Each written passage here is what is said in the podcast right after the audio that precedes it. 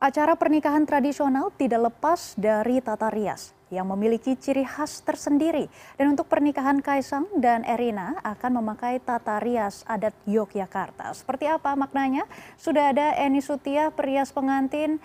Selamat siang, Ibu Eni. Bagaimana kabar Anda? Selamat siang Mbak Rosi, Alhamdulillah baik. Baik ya Bu Eni, ya hari ini calon pengantin wanita menjalani rangkaian prosesi adat dimulai dari pemasangan black KTP, siraman dan juga sebagainya ya Bu. Nah apa makna dari prosesi yang dijalani kedua calon mempelai hari ini?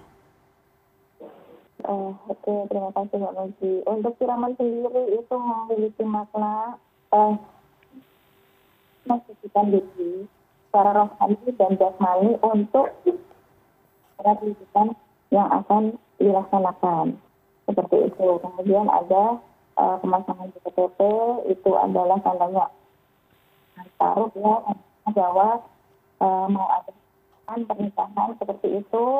Kemudian di situ juga ada pisang raja. Pisang raja ini menandakan bahwa nanti harapannya kedua pengantin itu raja, mulia dan bijaksana. Itu Mbak.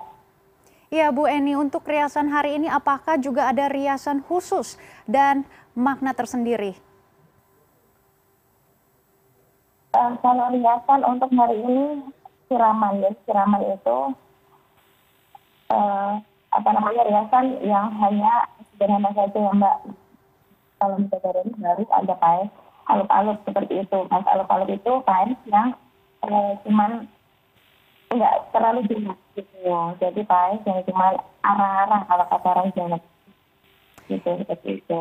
Jadi yeah. untuk menarik itu akan diadakan uh, uh, pernikahan. Baik Bu Eni, tentunya untuk pernikahan nanti kami juga mendapatkan informasi bahwa Erina memutuskan untuk menggunakan Pais Ageng ke Prabon. Nah, bisa dijelaskan tentang Pais ini, perbedaannya dengan Pais Solo dan lainnya? Baik, Mbak. Untuk Pais Ageng ya, Mbak, Pais Ageng Jogja sama Solo itu sangat berbeda sekali dari kemudian dari kemudian dari bunganya itu sangat berbeda.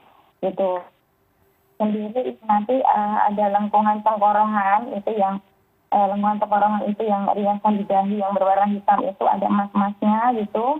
Kalau tidak ada uh, emas-emasnya seperti itu. Kemudian untuk solo itu eh, sanggulnya itu ada sunggarnya kan nanti telinga itu ada sunggar. Kalau jogja KSAT itu tidak ada sunggar. Aku ditarik di cepol menggunakan sanggul bekor tengkurap yang terbuat dari pandan kemudian untuk aksesorisnya sendiri juga berbeda. Untuk kembang goyang itu untuk jogja putri bisa pakai satu tiga atau lima. Jadi yang berjumlah ganjil. Seperti itu mbak. Iya, Bu Eni, terakhir tentunya kami juga ingin mengetahui apa saja sebenarnya yang menjadi uh, sorotan ataupun yang paling uh, uh, spesial ya di uh, acara rangkaian acara pernikahan Kaisang dan juga Erina ini. Uh, rangkaian yang paling spesial itu tentunya uh, semua momen itu sebenarnya spesial ya Mbak karena memang ini uh, sangat menarik sekali gitu. Apalagi ini tradisinya itu benar-benar pakem yang dipakai beliau. Gitu jadi uh, semuanya bagus ya untuk diikutin. Nah. Baik, terima kasih Mbak Eni yang sudah memberikan informasi terkait dengan tata rias pengantin dan tentunya juga terima kasih sudah bergabung bersama kami di CNN Indonesia News Report.